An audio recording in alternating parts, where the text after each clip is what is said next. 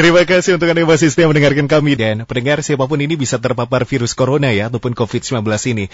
Termasuk seorang dokter ataupun perawat sekalipun.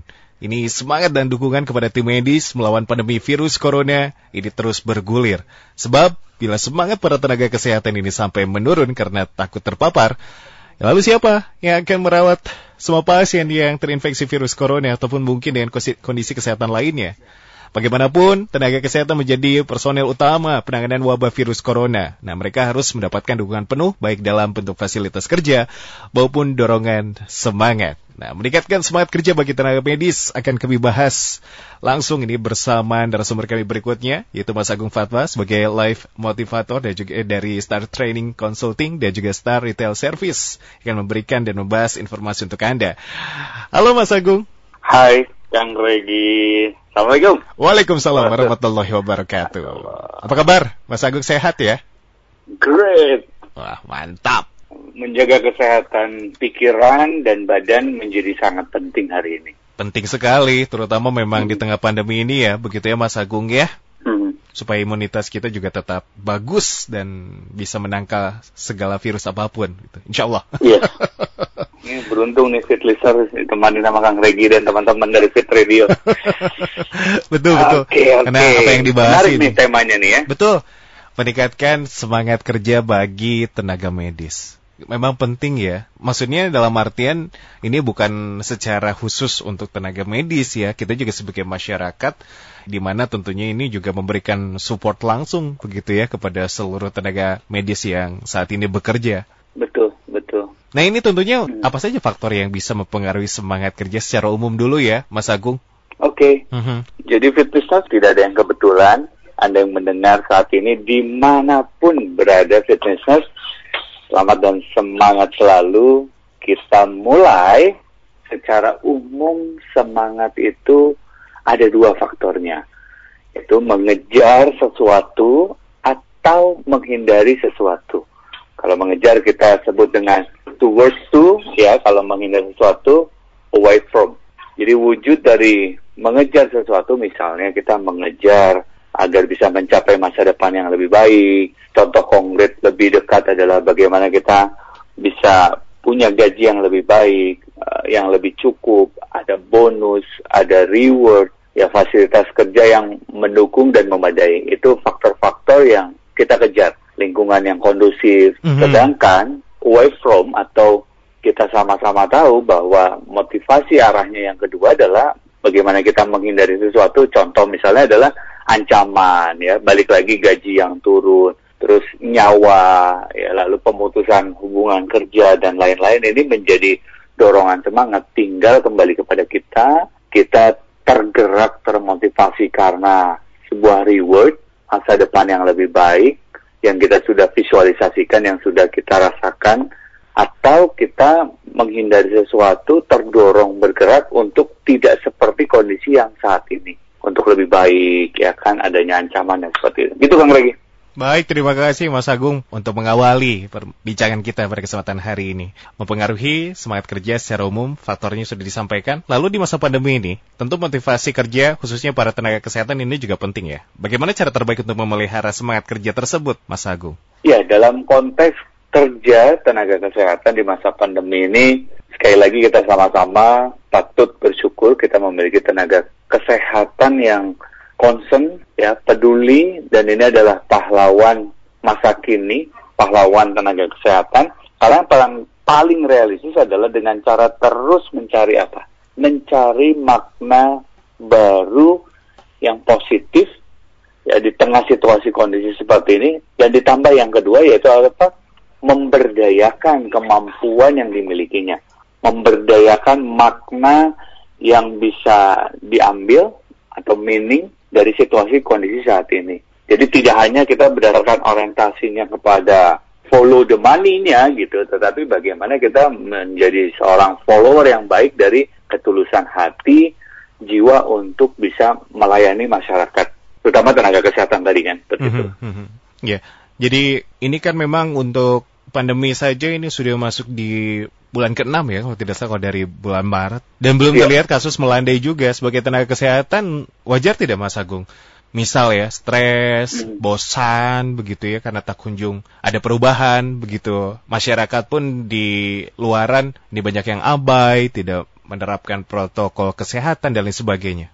Iya, kalau ditanya wajar atau enggak. Oke, jadi sebagai manusia normal tentu sangat wajar jika kita mengalami satu stres ya, terus juga sedikit kehilangan harapan. Ini gimana gitu ya caranya? Tapi kembali lagi kepada statement yang kedua, yaitu apa? Memberikan makna yang baru atau memberdayakan meaning tersebut ya sehingga realistis. Jadi tinggal bagaimana kita bisa mensikapinya dengan realistis, pas, tepat gitu ya. Jadi di luar pandemi pun kita mengalami stres karena memang zamannya saat ini dengan seluruh konsekuensinya bisa membuat kita stres. Nah, ditambah situasi kondisi seperti ini, jadi memang kita perlu memilah dan memilih apa yang kita dengar, apa yang kita rasakan, apa yang kita lihat, dan apa yang bisa kita lakukan sehingga kita bisa menjaga ruang lingkup pikiran dan perasaan kita selalu happy, atau minimal kita lebih tenang, syukur-syukur kita bisa lebih ikhlas. Jadi yang pertama bagaimana kita bisa selalu menjaga lingkaran pikiran, ya cycle mind kita, cycle heart kita, hati kita untuk bisa selalu happy dengan cara kita menerima kenyataan seperti saat ini, lalu kita tingkatkan kemampuan kita untuk bisa menerima ikhlas, lalu bisa kita menjalaninya dengan dengan rasa syukur. Ini ini tantangan memang tenaga kesehatan dan juga kita semua gitu gitu kan Iya, yeah, itu dia. Jadi memang kadang ada beberapa sudut pandang tenaga kesehatan pun ini tentunya memiliki sudut pandang tersendiri begitu ya, Mas Agung ya. Mm-hmm, betul. Lalu kalau misalkan dilihat dari Mas Agung ya sebagai yang memang selalu memberikan motivasi-motivasi, nah ini meningkatkan semangat kerja kembali ini kan tentunya harus terus di suntik ya, maksudnya terus di push begitu ya. Kalau kalau misalkan memang sebagai tenaga medis pasti saya kalau saya pribadi pasti bosan ya, Mas Agung ya. Ini terus-terusan menangani apalagi yang langsung terjun untuk penanganan COVID ini 6 bulan. Ini jauh dari keluarga, terus di ikut diisolasi juga mungkin kan. Kondisi seperti ini kan tentunya akan selalu dilewati setiap hari. Nah, cara meningkatkan semangatnya sendiri ini bagaimana, Mas Agung, menurut Mas Agung? Iya, jadi sebelum nanti kita akan bagaimana kita bisa meningkatkan semangat kita bekerja, betul yang tadi kan, di mana kita punya hak untuk bisa memilah dan memilih informasi. Jadi di di fenomena ini tidak hanya di masyarakat, tapi di tenaga kesehatan juga bisa menjadi seorang yang bisa memberikan sebuah informasi di grup-grup WhatsApp-nya untuk bisa saling menguatkan, bukan memprovokasi untuk sesuatu yang bisa membuat mentalnya teman-teman di lingkaran tenaga kesehatan itu melemah. Jadi saling menguatkan. Nah di sini kan membuktikan ada beberapa ada beberapa kita sebut oknum yang membuat semakin khawatir ya dengan dengan alasan adalah ya antisipasi lah dan sebagainya. Tetapi ketika dorongannya adalah energinya negatif itu akan mengganggu cycle nakes itu sendiri gitu teman-teman yang ada di lingkungan tenaga kesehatan. Jadi pertama bagaimana kita bisa menjadi seorang pribadi yang menyejukkan, minimal tidak menambah-nambahi ya tingkat kestresan.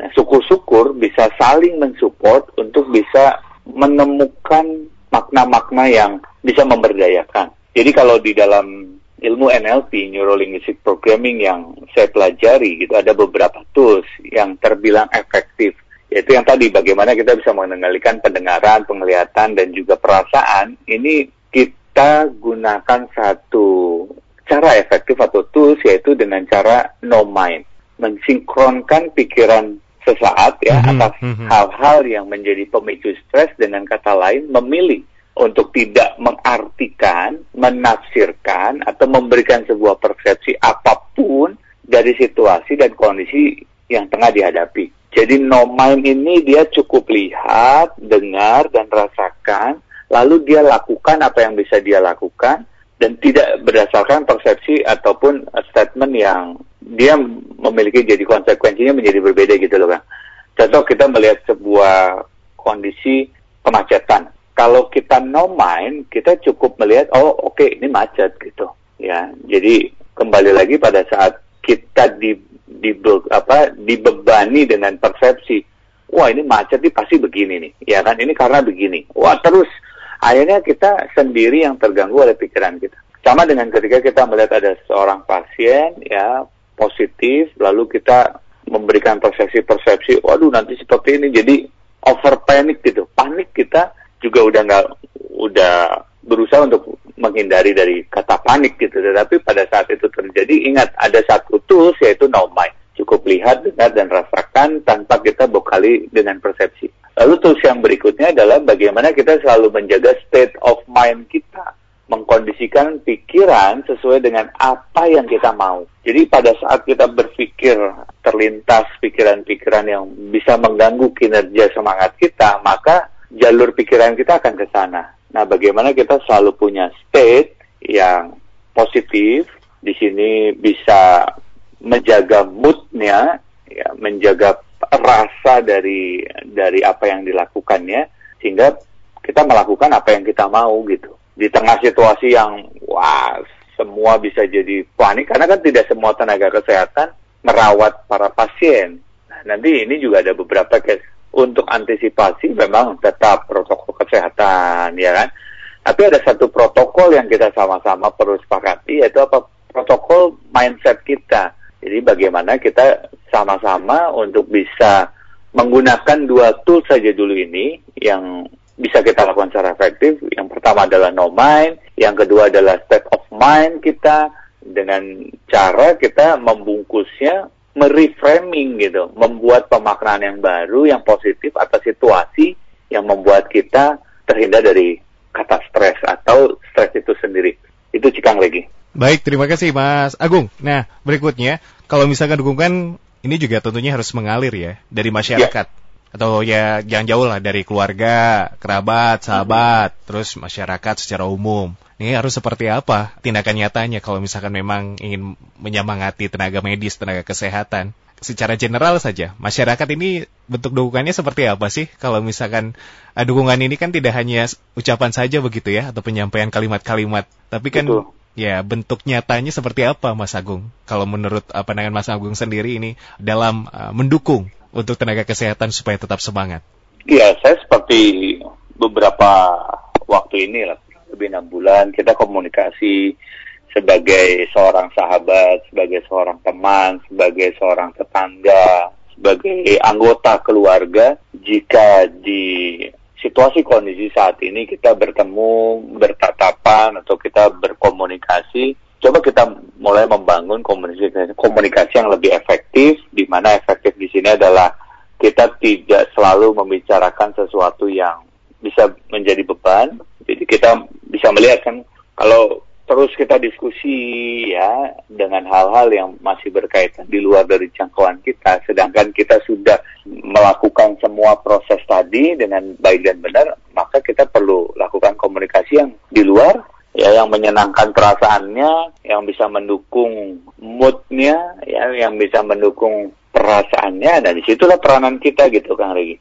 Jadi pada saat misalnya ini adalah suami kita adalah dokter gitu ya. Mm -hmm. Bagaimana kita mensupport. Tidak selalu kita uh, berikan kalimat-kalimat yang negatif, yeah, kita yeah. bisa beri bentuk kata-kata yang support positif. Lalu pada saat kembali ya kita rangkul dalam bentuk ya kita ngobrol ya. Misalnya anggota keluarga kita ada yang perawat, ada yang juga tenaga administrasi. Kesadaran itu kan sudah mulai muncul bahwa kesehatan itu penting dan bukan hanya milik tenaga kesehatan.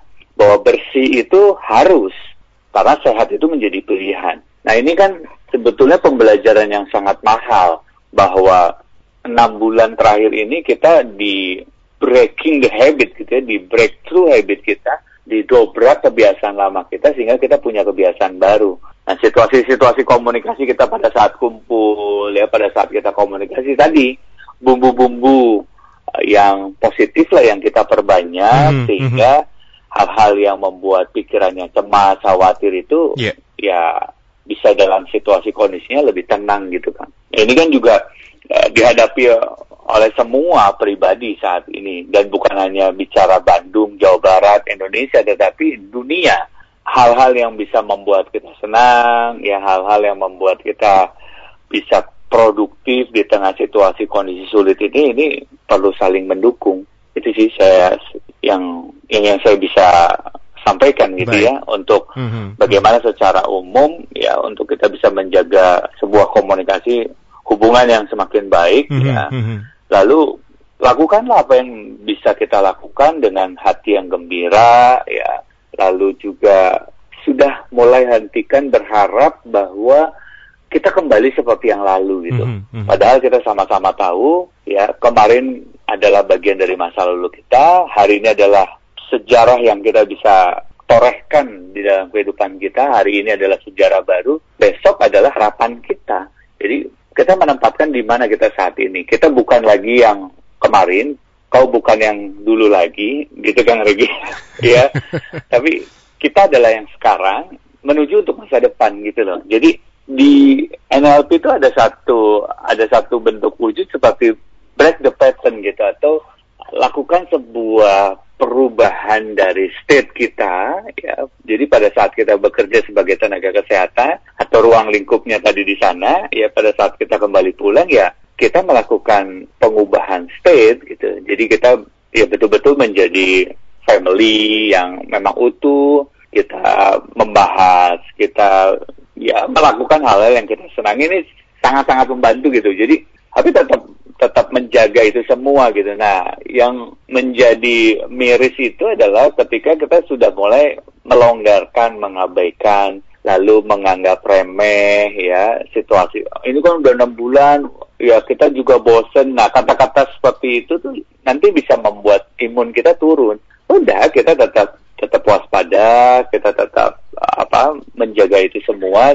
Nah, yang perlu kita maksimalkan saat ini selain hal-hal teknis tadi adalah ya mindset kita, hati kita yang selalu bisa terhubung ya kan, selalu bisa terkomunikasi dengan baik. Baik, ya. terima kasih Mas Agung dan kita ke pendengar terlebih dahulu ya Mas. Ada okay. Bapak Thomas di Kawaluyan. Nah, setiap orang Thomas, dewasa okay. ini saya rasa pasti merasakan di saat uh, semangat dirinya turun ataupun apa yang dilakukannya itu salah dan sedikitnya dia tahu juga untuk apa yang harus dilakukan. Tetapi ini terkadang tidak dilakukan katanya. Apa meningkatkan semangat untuk melakukan atau bergerak ini bisa tumbuh sendiri? Ini butuh berapa lama kalau tidak ada dukungan ataupun faktor luar begitu? Ya, Pak. Alin, nuhun. Jadi yang penting itu kan dalam hidup ini bukan apa yang kita tahu, tetapi apa yang kita lakukan dari apa yang kita tahu. Nah, kita banyak belajar dari peristiwa yang besar ini. Satu, kita melakukan sebuah perubahan. Kalau manusia saat ini tidak melakukan perubahan, maka dia kategorinya merugi. Dua, yang bisa kita dapatkan dari situasi enam bulan ini adalah bagaimana kita bisa melakukan ya di perubahan, lalu melakukan satu tindakan-tindakan yang besar. Nah, tindakan-tindakan yang besar ini adalah bagaimana kita melihat dari sisi pandang yang lain, sehingga kita bisa terus melakukan aktivitas yang semakin baik, semakin produktif ya di tengah situasi sulit. Bukankah di tengah kesulitan di sampingnya atau di tengahnya ada kemudahan? Nah, bagaimana kita selalu bisa melihat di situ ada kemudahan, di situ ada jalan gitu. Makanya kita sama-sama sepakati stop mengeluh, mulai lihat, dengar, dan rasakan, lalu lakukan apa yang bisa kita lakukan saat ini. Baik kita sebagai seorang tenaga kesehatan, ya, bagaimana lingkungan menjadi lebih kondusif, bagaimana kita sebagai masyarakat juga bisa mendukung itu semua, dan terutama yang menjadi catatan adalah kita punya hak untuk hidup lebih sehat. Kalau kita bisa sehat, kenapa kita menjadi pribadi yang ceroboh untuk uh, jatuh sakit? Jadi ini ini ini semua bisa kita lakukan kok fit listeners ya di mana kita belajar juga hal yang paling mendasar yaitu apa disiplin kedisiplinan inilah yang menjadi menjadi milik kita saat ini dan sayang kalau kita tidak miliki kata disiplin itu untuk kita lakukan tiap hari. Baik itu Tuh. saja tanggapannya Mas Agung. Siap. Baik. Itu juga terima kasih untuk Pak Thomas di Kawaluyan dan berikutnya ada Ibu Tia di Pagarsi. Nah ketika kita terpuruk sendirian ini merasa nggak ada siapa-siapa tetapi hati kecil ini tahu salah dan terkadang tidak dihiraukan yang munculnya malah jadi yang negatif ya seperti stres dan juga depresi. Memang ya. demikian Mas Agung? Ya Bu Tia betul. Pada saat kita sendiri katakan aku bahagia gitu ya. Dan pada saat bersama aku lebih bahagia. Jadi kita selalu punya pilihan untuk bahagia di tengah situasi kondisi sulit. Karena memang kita yang mengendalikan. Beberapa waktu lalu saya sempat katakan kepada apa di sesi yang sebelumnya bahwa kita adalah raja dari pikiran kita. Jadi pada saat kita sendiri memikirkan kita jatuh, kita tidak berdaya, maka jalur neurologis kita akan bergerak cepat ke arah sana.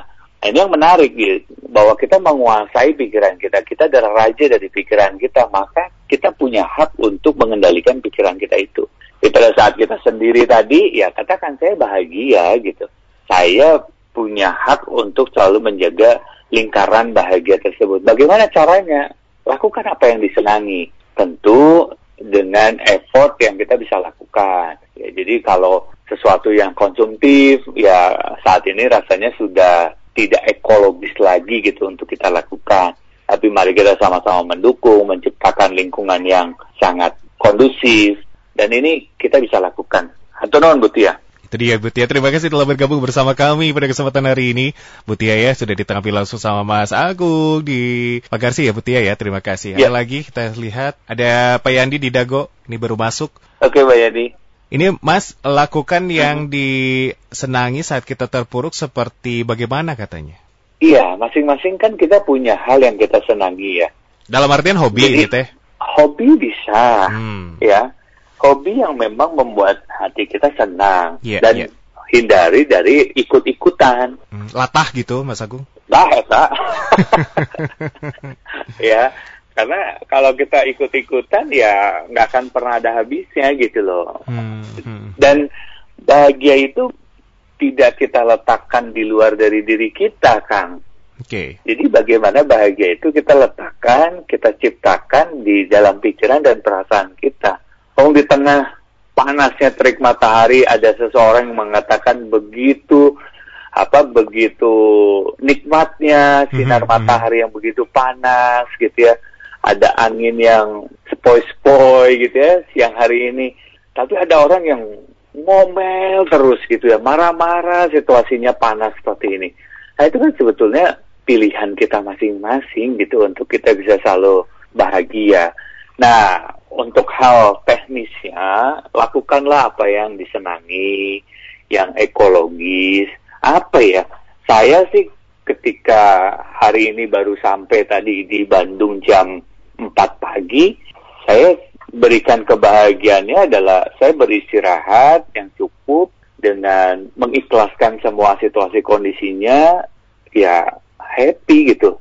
Angkat angkat telepon hari ini tuh dengan dengan apa ya dengan energi yes gitu.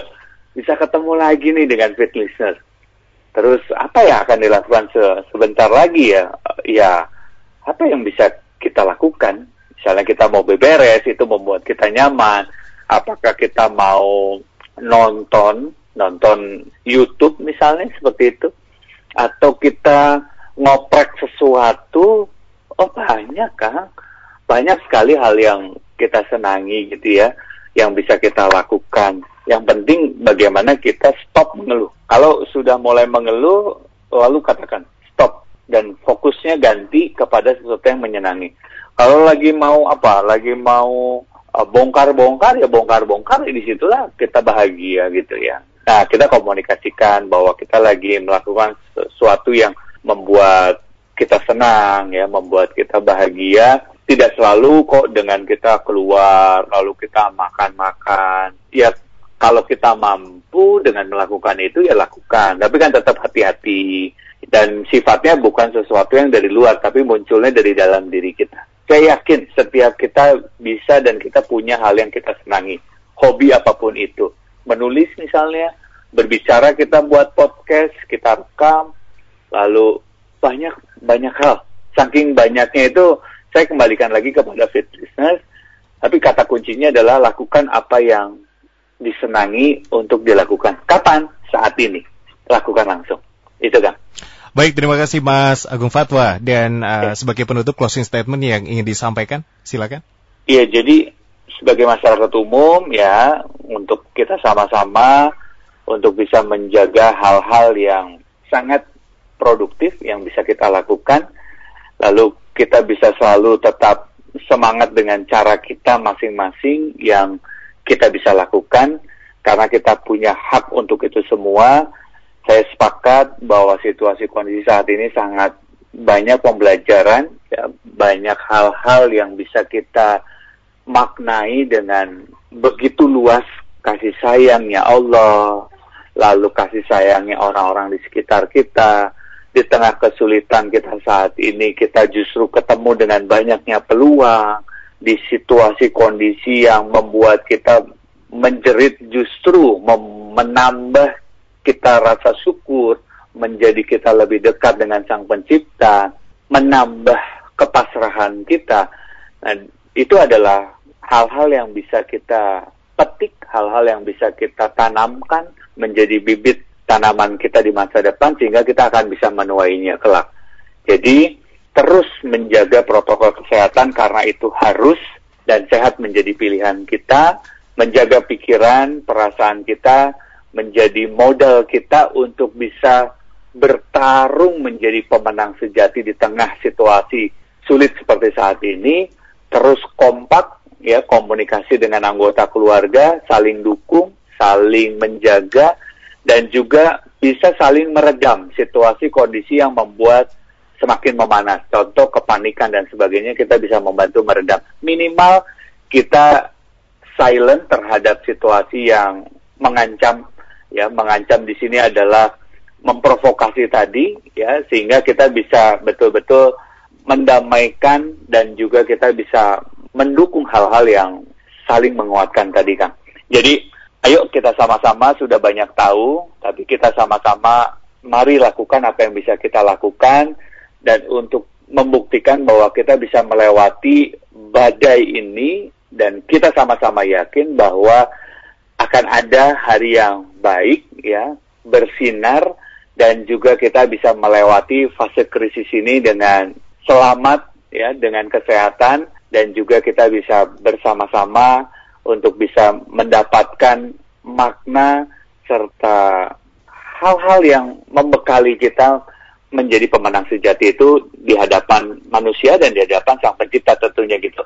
Saya Agung Fatwa dari Star Training and Consulting serta Star Retail Service untuk kita bisa sama-sama bagi tenaga medis tetap semangat karena ini adalah ladang amal soleh dan soleha Anda yang tidak semua orang berkesempatan untuk mendapatkannya. Jadi terus berjuang tenaga medis dan kita sebagai masyarakat juga terus berjuang untuk bisa selalu sehat.